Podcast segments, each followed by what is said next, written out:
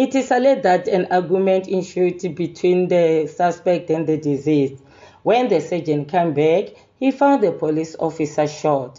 According to the witnesses, it is alleged that during the argument, the suspect took out the firearm and shot at the deceased.